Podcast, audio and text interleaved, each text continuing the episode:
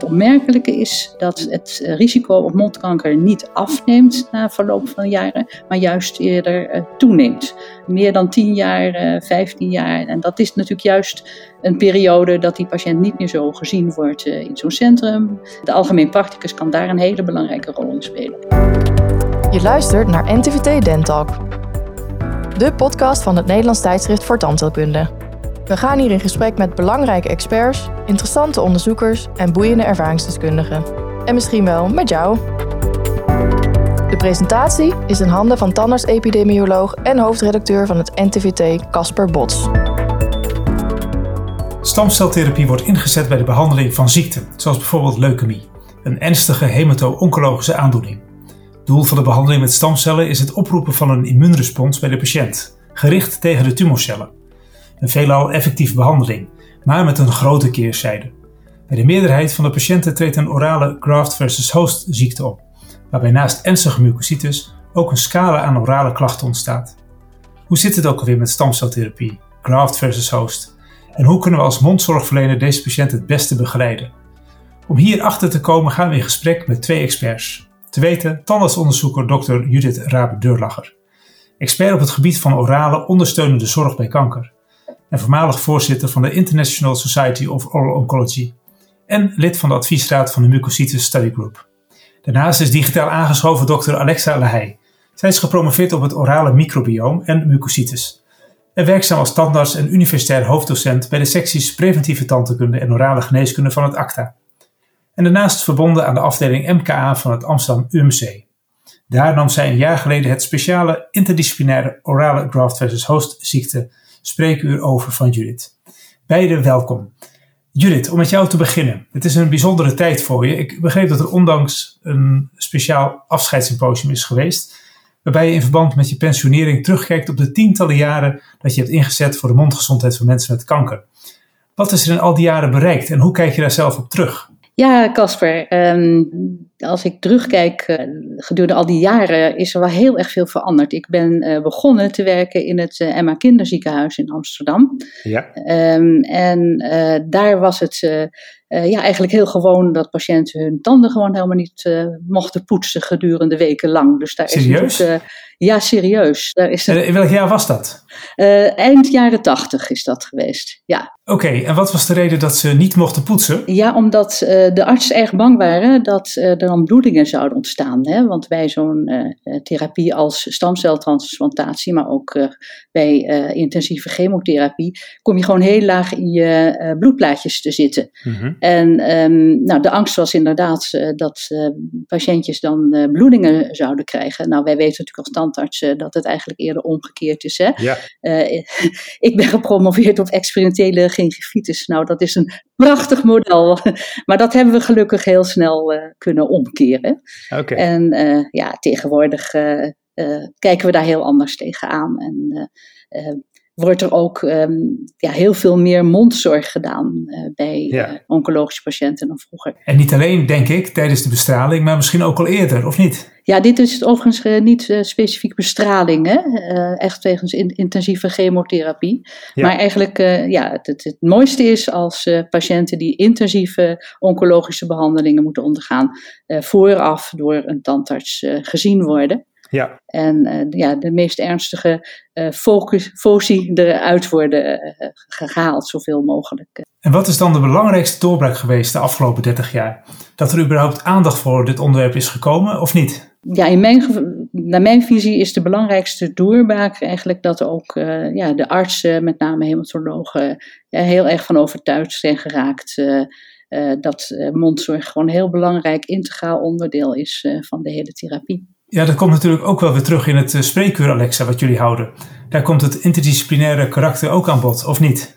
Ja, dat klopt. Uh, ik denk dat we een hele fijne samenwerking hebben in het, uh, in het Amsterdam UMC, met name met de mhm. hematologen. Ja. we kunnen ze altijd bellen, mailen. En ze, vragen, ze hebben ook vaak specifieke vragen voor mij. Dus als ze, nou, we er niet uitkomen, een van beiden, dan, dan kunnen we elkaar opzoeken. Ja. En dan proberen we een oplossing te verzinnen voor die patiënt. Oké, en wat voor soort patiënten zie je daar? Um, nou, dat zijn allemaal mensen die een allogene stamceltransplantatie hebben gekregen. Dus dat zijn uh, patiënten die stamcellen hebben gekregen van iemand anders, een donor. En ehm, als gevolg van die therapie kunnen ze als ja, een, een, eigenlijk een omgekeerde afweerreactie krijgen in hun hele lichaam. En ik zie ze dan natuurlijk voornamelijk voor klachten die dat in de mond geeft. Oké, daar komen we misschien zo nog even op terug, op die klachten in de mond. Misschien is het goed om eerst even terug te gaan naar de stamcellen. Want het klinkt allemaal wel heel bekend, stamcellen. En ik denk, daar weet ik wel iets van. Maar kan je ons even kort meenemen? Hoe zit het ook alweer exact met die stamcellen? Het is zo'n breed begrip. Eh, wat is het? Hoe werkt het? Ja, ja nou, stamcellen die, eh, die zijn aanwezig eh, in je, uh, in je beenmerg. En dan hebben we het dus met name over bloedvormende stamcellen. er zijn in andere weefsels in je lichaam ook stamcellen, maar hier, hier bedoelen we de bloedvormende stamcellen, waaruit in principe alle soorten bloedcellen zich kunnen ontwikkelen. Dus denk aan bloedplaatjes. Ja, want stamcellen kunnen bijvoorbeeld ook huid worden of andere die kunnen zich uh, omvormen tot van alles en nog wat, toch? Ja, maar die, we hebben het hier echt over de bloedvormende stamcellen bij zo'n stamceltransplantatie. Ja. Uh, daar kunnen dus alle soorten bloedcellen uit ontstaan. Hè? Bloedplaatjes, witte bloedlichaampjes. Uh, en um, bij een stamceltransplantatie zijn echt twee, twee soorten te onderscheiden. We hebben de autologen, waarbij patiënten, zich, um, patiënten hun eigen uh, stamcellen weer terugkrijgen. En dat is eigenlijk puur als een soort uh, ja, redding na uh, hele intensieve chemotherapie, waarbij dat um, beenmerg afsterft. En dan wordt dat weer vervangen door de eigen bloedscellen. en vooraf wordt dat er dus uitgehaald en opgevangen en dergelijke? Ja, ja, precies. ja. ja. En even voor de duidelijkheid, daar hebben we dus uh, niet te maken met uh, graft versus host uh, ziekte. We hebben het hier over de allogene stamceltransplantaties, waarbij de stamcellen afkomstig zijn van een donor. Ja, en die donor, is dat dan makkelijk om zo'n donor te vinden of is dat een heel gepuzzel? Moet er bijvoorbeeld dan een familielid zijn? Ja, dat is wel een, uh, wel een gepuzzel. In zoverre dat uh, ja, het is mooi als er een uh, familielid is die geschikt is, hè, immunologisch ja. genoeg overeenkomt um, met, de, met de ontvanger, met de patiënt. Mhm. Ja. Um, als dat niet lukt, dan um, is er een stamcelbank in de Leiden met name, waar een beroep op kan worden gedaan. Uh, uh, voor uh, zeg maar de, ja, de westerse bevolking gaat dat over het algemeen redelijk makkelijk. Um, ja. Voor de, ja, de, de, groepen van immigranten kan dat gewoon lastiger zijn. En hoe komt dat dan? Is er dan te weinig aanbod van bloed? Ja, nou te weinig aanbod van geschikte donoren. Okay. Die in die bank zitten. Ja. Ja, precies. Dus die graft versus host ziekte treedt op bij die ALO, hoe noem je dat? Allogene? Ja, allogene stamceltransplantatie. Ja. Precies, dus stamcellen niet van jezelf. Ja. En dan krijg je een soort afweerreactie omdat het niet lichaams eigen is, niet van jezelf is. Ja, ja, de, ja die, eh, die, die getransplanteerde cellen, hè, die, um, in feite wordt het hele beenmerg van de patiënt vervangen door de cellen van de donor.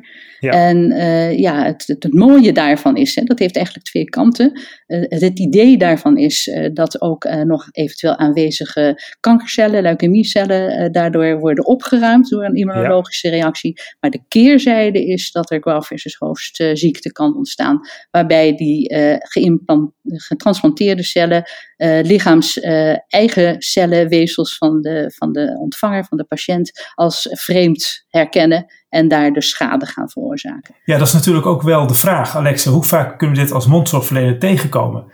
Misschien heb ik wel patiënten, maar dan weet ik het niet. Dat zou natuurlijk kunnen, maar hoe vaak komt dit ongeveer voor? Is er iets over bekend? Weet je dat? Ja, dat weten we. We weten dat als ziekte kan uh, optreden op verschillende organen uh, van een patiënt. Dat kunnen ook uh, de huid zijn, de longen, de darmen bijvoorbeeld.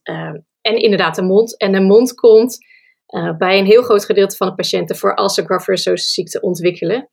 Um, dus is een van de, van de meest voorkomende complicaties. Of sites eigenlijk, dus de mond komt relatief vaak voor. Maar ja, Hoe, is nou de, hoe groot is nou de kans dat je die patiënt in de praktijk tegenkomt? Ja, precies. Ja. Uh, zoveel uh, patiënten zijn er niet. In Nederland weten we niet precies hoeveel stamceltransplantaties er uitgevoerd worden ieder jaar. Zeg, een paar honderd. Oké, in die orde van grootte? In die orde van grootte heb je het al. Ja, en, en er zijn natuurlijk heel veel uh, tandartspraktijken. Dus de kans als jij zo'n patiënt in je stoel hebt, is uh, niet zo heel groot. Toevallig heb ik er in mijn praktijk twee. Maar ja, die weten ook dat ik dit doe. Dus ja, dat is misschien niet helemaal toevallig. Precies. Komen ze dan vaak bij een ziekenhuisstandarts of bij een centra voor bijzondere tandheelkunde terecht? Of hoort dit gewoon in de algemene praktijk thuis, de begeleiding hiervan? Um, nou, de, misschien moeten we het dan eerst hebben over de klachten die deze patiënten hebben. Want deels is dat door voor een gewone tandarts uh, nou ja, wel, wel bekend. Maar een deel van de klachten uh, denk ik helemaal niet. En dat wordt het lastiger als algemeen practicus om, die, om te zien wat er in de mond gebeurt en de patiënt daar goed bij te begeleiden en te behandelen. Nou ja, nou misschien wat je zegt, het is inderdaad goed om eerst even die hoofdklachten van wat je in de mond tegenkomt te behandelen bij graft versus hoofdziekte, uh, omdat het meest voorkomende complicatie is bij deze patiënten. Maar wat zie je op het spreekuur? Um, daar zie je misschien hele bijzondere gevallen, maar wat zie je precies in de mond, Alexa? Ja, in de mond kan je zien uh, ulceraties bijvoorbeeld, uh, die niet overgaan roodheid, uh, een lichamplanusachtig beeld, waarbij ik denk dat de meeste algemeen praktici dat wel herkennen. fijne lijntjes op de slijmvliezen, een dikkere tong of juist een hele gladde tong die heel atrofisch is, of een tong ja, die een beetje gebobbeld is. Eigenlijk ziet dat er heel ja, atypisch uit. En het lijkt eigenlijk nergens op wat we al kennen. En gaat het allemaal tegelijkertijd? Uh, of hebben mensen dan bijvoorbeeld of alleen roodheid of alleen een gebobbelde tong? Of, alleen, of is dat in één mond allemaal door elkaar heen gehusteld als het ware? Ja, dat kan. Het kan één ding zijn. Uh, het kan ook een combinatie zijn van. Uh, het kan ook eerst het een zijn, daarna het ander. Ja. Dus dat, dat is een gemixt beeld. En ik denk dat buiten dat de slijmvliezen aangedaan zijn, iets wat je kan zien. En patiënten hebben daar ook klachten van. Het kan pijn doen, het kan irritatie geven, het kan uh, ja, met bepaalde etenswaren of, of menthol in de tandpasta bijvoorbeeld uh, vervelend aanvoelen, branderig. Patiënten willen dat dan liever niet gebruiken. Dus dat is eigenlijk één ding, die slijmvliezen. Verder kunnen patiënten ook last hebben van een droge mond, verminderde speekselvloed of xerostomie, het gevoel van droge mhm. mond. Ja. En in wat zeldzamere gevallen kunnen patiënten ook een beperkte mondopening krijgen door eigenlijk het verstijving van uh, nou ja, de weefsels uh, ja, in, het hoofd, hè, in en om de mond. En dan wordt het ook heel moeilijk om je tanden te poetsen, bijvoorbeeld. Ik moet in dat verband denken aan een patiënt die ik zelf heb gehad, gewoon in de praktijk. Die had allemaal diverse ulkussen en zweertjes in de mond. Die gingen verbindweefselen. Is het zo'n soort beeld dat iemand op een gegeven moment bijna zijn mond, maar dat opening misschien maar 1 of 2 centimeter wordt omdat het verstijft? Of is het meer dan verstijving van de spieren rondom de mond wat je ziet? Ja, het is meer fibrosering inderdaad daar. Van de, het kaakgewricht kan soms, of de spieren die, die, die, uh, die, en, en de huid die eigenlijk om de mond zitten. Dus alles rondom de mond? Ja, precies. Uh, ik had een vraag aan jullie. De dingen die Alexa, uh, Alexa die jij noemt, zoals roodheid en dergelijke. Is dat een mucositis? Of wat valt dan precies onder mucositis? Want jij zit in die studiegroep van mucositis, dus dat weet je waarschijnlijk wel. Ja, het, wordt in de wandelgangen wel degelijk mucositis genoemd, hè, ontsteking van de slijmvliezen. Maar na zo'n stamceltransplantatie hebben we ook te maken met mucositis, uh, met een andere oorzaak, direct na het toedienen uh, van de voorbereidende behandeling met uh, heel hoog gedoseerde chemotherapie en soms totale lichaamsbestraling. En dat is iets um, ja, wat heel erg pijnlijk is. Het heeft ermee te maken dat ja, de cellen van de mondslijmvliezen zich heel snel delen. En die, ja, die, worden beschadigd door de chemotherapie en de bestraling. Over het algemeen duurt dat nou pakweg een week of drie. En dan zie je wel weer ja, dat het bij de meeste patiënten verbetert. Um, ja, dat is buitengewoon pijnlijk. Uh, patiënten kunnen echt dan vaak uh, niet, uh, niet eten, niet drinken. Nou, de hele kwaliteit van leven is, is ernstig, ja, wordt ernstig verminderd. Ja. ja, praten zal moeilijk gaan en je voelt je al heel ellendig. Precies. Dat is een hele nare tijd, denk ik. Ja, absoluut. Ja. Ja, maar ja, de mucositis bij een versus hoofdziekte, ja, dat heeft een gewoon een wat andere oorzaak. Uh, het ziet er ook best wel wat anders uit, maar uh, ja, we, we, we, noemen dat toch allebei wel uh, mucositis. Ja, dus vanuit de patiënt gezien, die heeft eerst de hele heftige mucositis, na bijvoorbeeld de chemo. Ja. Dan gaat het herstellen en dan krijg je als het ware nog een keer een soort tweede tsunami-laag over je heen met onder andere mucositis en graft versus host. Ja. Zo gaat het. En ja. Dat is dan acuut op dat moment. En bij een deel van de mensen zal het herstellen, denk ik, of niet? Ja, ja, je hebt, hebt uh, acute graft versus host ziekte en, uh, en chronisch. Ik denk dat uh, daar op dit moment niet heel erg op moeten, gaan. De patiënten die wij zien hebben het algemeen chronische graft versus host ziekte. En dat beeld, ja, dat wisselt erg. Bij sommige mensen gaat dat inderdaad over. hangt ook een beetje ervan af wat voor therapie de hematoloog geeft. Hè, of ze systemische immuunsuppressiva krijgen. Uh, ja, bij andere mensen, en die zien wij dan of, uh, voornamelijk op spreekuur, uh, ja, is dat een proces wat jaren eh, kan voortduren. En het is heel frustrerend. Je kan niet zeggen, nou, nog even volhouden, een jaartje of zo, dan bent u er wel vanaf. Ja, want in dat artikel wat je hebt, wat je met Judith en nog een aantal andere collega's hebt geschreven, Alexa, een interdisciplinair artikel in het NTVT van de zomer van 2020, die had als titel orale chronische graft versus hostziekte. Wat is het en hoe wordt het behandeld? En ik zie daar een tabel in staan met een heleboel uh, opties voor behandelingen. Jij zegt net, Judith, van ja, uh, je gaat dan langdurig begeleiden. Maar als ik kijk naar de gereedschapskist van behandelmogelijkheden, lijkt het best wel wat te zijn. Uh, Alexa, als jij uit al die dingen ook een soort top 3 zou moeten kiezen, of is dat misschien te makkelijk gezegd, maar wat wil jij tenminste in de gereedschapskist hebben voor de begeleiding van dit soort patiënten? uh, ik denk uh, ook voor de algemene praxis, dus die de patiënten zelf zien, met stip op één het uh, optimaliseren van de mondhygiëne. Ja. dat is heel erg belangrijk. En dus soms ook moeilijk, omdat het pijn doet in de mond. En het dus ook vervelend is als je die tandenborstel daarin stopt of met ragertjes of stokertjes aan de gang gaat. Um, dus ik denk dat met stip op één, hè, vaak is een ondersteuning van de mondhygiëne nodig als patiënten dus niet goed zelf schoon kunnen maken. En dat moet dan wel ja, aan de hand van de, de noden van de patiënt ingezet worden, denk ik. Dus, dus dat is met stip op één. En dat is denk ik voor iedereen die in de mondzorg werkt uh, te doen om deze zorg te leveren. Precies, en dan gaat het om plakverwijdering.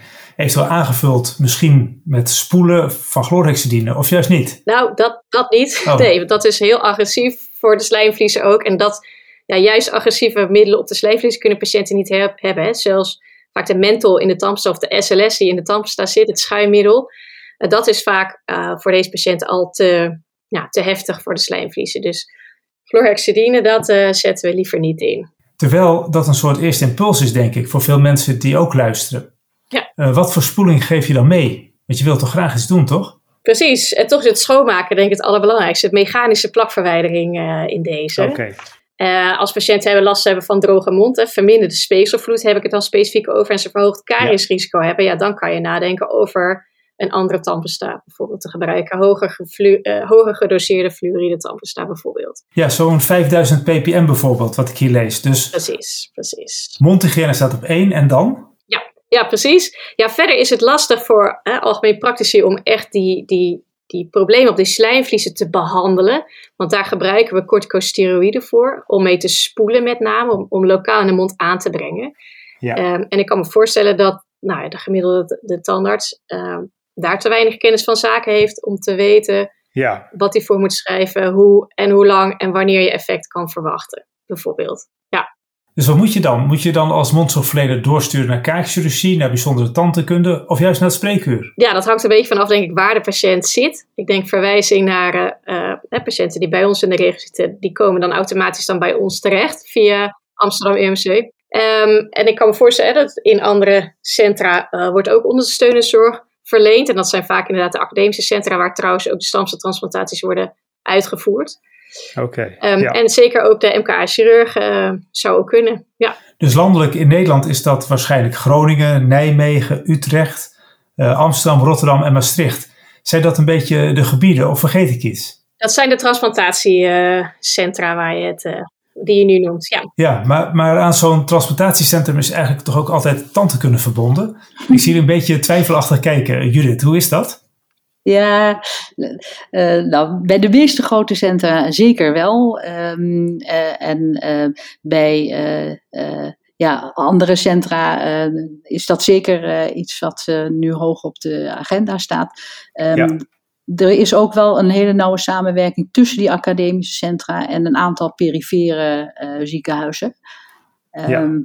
Ja, ik denk dat het per regio, uh, dat je gewoon dat uh, ja, even moet zien uit te vissen als uh, tandarts. En ja, wat ik misschien ook nog even wil opmerken over die um, corticosteroïdebehandeling lokaal in de mond. Wij, wij doen dat ook in hele nauwe samenwerking met de hematoloog. Want dat moet echt goed met elkaar worden afgestemd.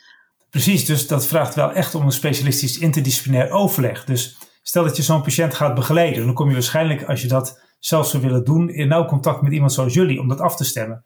Dan hoeft zo'n patiënt niet heen en weer. Dus dat vraagt echt een hele individuele interdisciplinaire zorg, begrijp ik. Ja, absoluut. We hebben het net gehad over die mondhygiëne, Alexa. Die is van belang. Uh, dat zijn spoelmiddelen. Is er nog iets anders van belang wat we als mondzorgverlener kunnen doen? Uh, de controlefrequentie misschien iets hoger, denk ik aan? Of zijn er nog andere punten? Nou ja, ik denk dat je terecht noemt de verhoogde controlefrequentie. Ja, als patiënten dus last hebben van verminderde speekselvloed, um, ja, dan hebben ze ook een hoger kariesrisico. En dan komt eigenlijk de toolkit die daarbij hoort kijken, uh, of die daarbij hoort om de hoek kijken. en misschien vaker röntgenfoto's uh, maken. Um, en dat goed, uh, goed, goed in de gaten houden. Ja. ja. Het speelt dus jarenlang. mensen hebben dus na die behandeling jarenlang daar last van. En gaat het bij sommige mensen ook wel eens spontaan in remissie, dat die mondklachten gewoon verdwijnen, Judith? Of niet? Ja, dat kan gewoon gebeuren. En um, het is sowieso een wisselend beeld. Um, uh, zelfs, uh, ja, wij zien, wij zien het vaak, uh, zelfs als mensen even stress hebben gehad, dat het opvlamt, of een griep. Ja. Okay. Dat het erger wordt. Het is, een, ja, het, het, is niet heel erg constant. Het kan spontaan uitdoven, dat kan. En wat ook nog een heel belangrijk punt is op de lange termijn, en ook een heel belangrijk punt voor de algemeen practicus, is ja. dat mensen um, uh, een verhoogd risico hebben op het krijgen van mondkanker. En dat ja. is dus iets wat wel heel goed in de gaten moet worden gehouden. Ik las iets van 60 keer meer kans op plavezelcelcarcinoom. Ja, dat is een, een vrij recente publicatie. Um, uh, ja, daar wordt natuurlijk aan alle kanten onderzoek uh, gedaan. Want ja, het is natuurlijk een, ik zou bijna zeggen, een luxe probleem. Uh, vroeger ging natuurlijk een heel groot aantal mensen die zo'n stamceltransplantatie kregen, gewoon, over, ging gewoon dood. En tegenwoordig is de overlevingskans een heel stuk beter. Ja. Um, dus daar leren we steeds meer van. Maar het, is, het, het, het, opmerkelijke is dat um, het risico op mondkanker niet afneemt na verloop van jaren, maar juist eerder toeneemt. Dus uh, ja, meer dan 10 jaar, uh, 15 jaar. En dat is natuurlijk juist een periode dat die patiënt niet meer zo gezien wordt uh, in zo'n centrum. Dat ja, de algemeen practicus kan daar een hele belangrijke rol in spelen. Daarom is het zo belangrijk om de medische voorgeschiedenis van de patiënt te kennen als hij in de stoel komt. En dus voortdurend alertheid op de toenemende kans op mondkanker. Maar als dat slijmvlies er al een beetje anders uitziet, uh, hoe kan je dan dat onderscheid maken tussen een plavezelcelcarcinoom en al die roodheid? Hoe ziet dat eruit? Ja, dat is, dat is uitermate lastig. Uh, zeker als een patiënt echt nog actieve graft versus host ziekte heeft. Um, ja, wij werken daarbij uh, heel nauw samen met uh, gespecialiseerde MKA-chirurgen. Ja. En uh, ja, soms is toch de enige manier om erachter te komen, is laagdrempelig een biopje te nemen. Ja, en onder de microscoop verder te kijken. Ja, op verschillende plekken. Oké, ja. ja. Ja. ingewikkeld, want dan is het slijmvlies al gevoelig en dan is de patiënt natuurlijk overtuigd. Ja. Um, ja, het lijkt me als patiënt niet altijd even eenvoudig. Het is mooi dat jullie dit werk ook doen en er voor die patiënten zijn. En dat wij als bondzorgverlener er iets aan kunnen bijdragen. Ik ben ook wel benieuwd naar welke onderzoeken er allemaal worden gedaan, Judith. Jij hebt de afgelopen tientallen jaren tijdens je werkzame periode heel veel onderzoek gedaan. En volgens mij begeleid je ook nog onderzoek op dit moment. Kun je vertellen wat er allemaal gebeurt op dat gebied? Ja, heel, heel in het algemeen uh, is er, wordt er uh, wereldwijd onderzoek gedaan naar het proberen uh, om die reactie tegen de leukemie te promoten. En die graft versus host ziekte natuurlijk te, ja, remmen. Dat, te remmen. Precies, precies.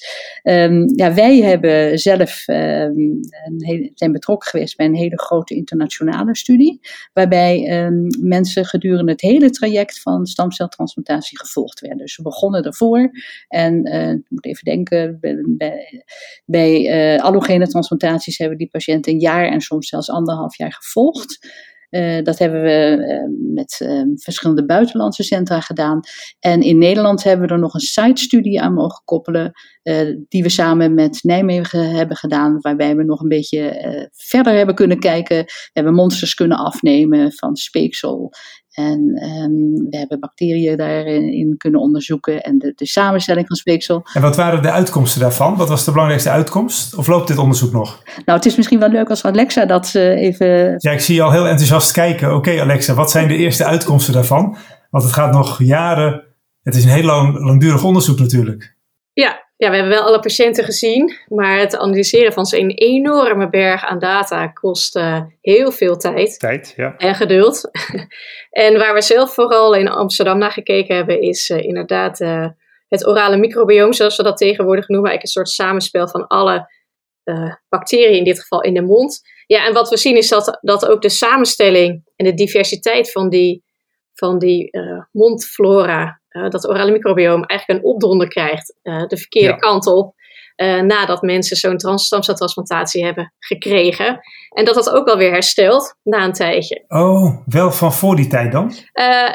ja, het gaat weer goed de goede kant op daarna. Ja, precies. Ja. En um, ja, het is dus direct na die transplantatie. je krijgt dat een, een flinke opdoffer, gaat dat helemaal de verkeerde kant op, minder divers.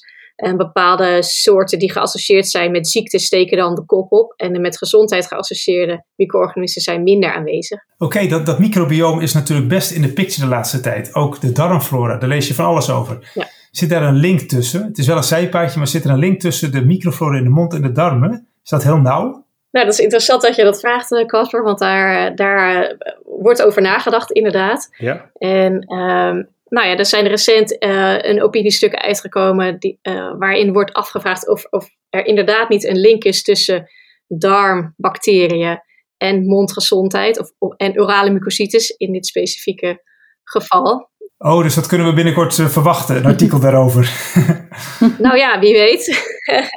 ik denk dat dat wel iets is wat, wat er wordt steeds verder ook breder gekeken. En niet alleen de mond, maar ook andere sites.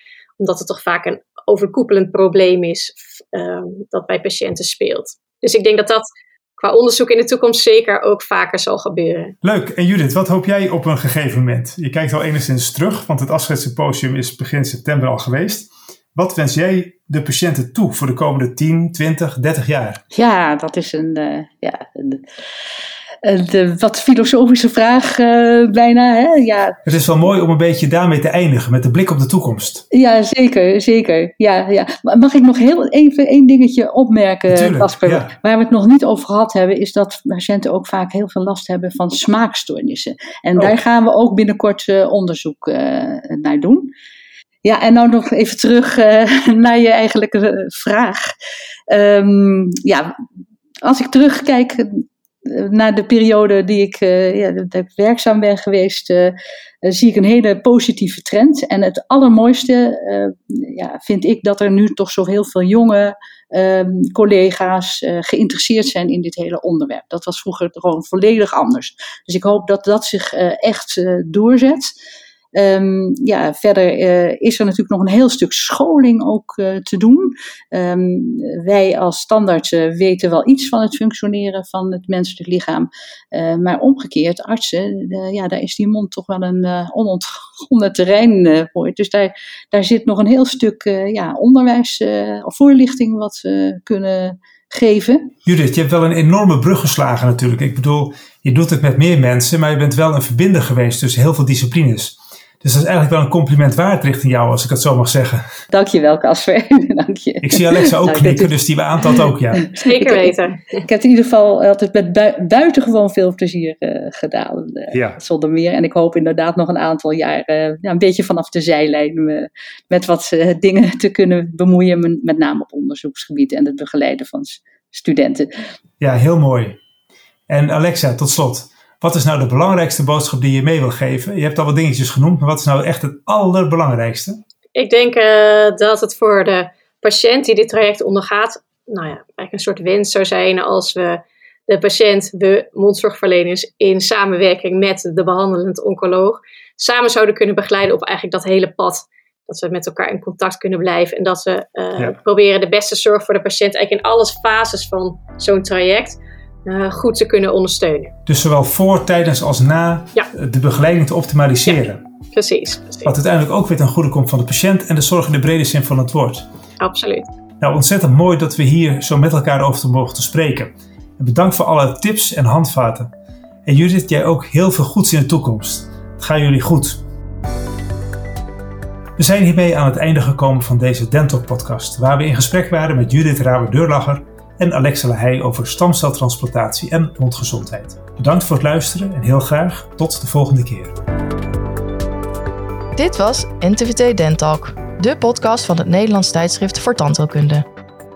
Heb je tips of leuke vragen voor ons? Laat het ons weten via redactie.ntvt.nl.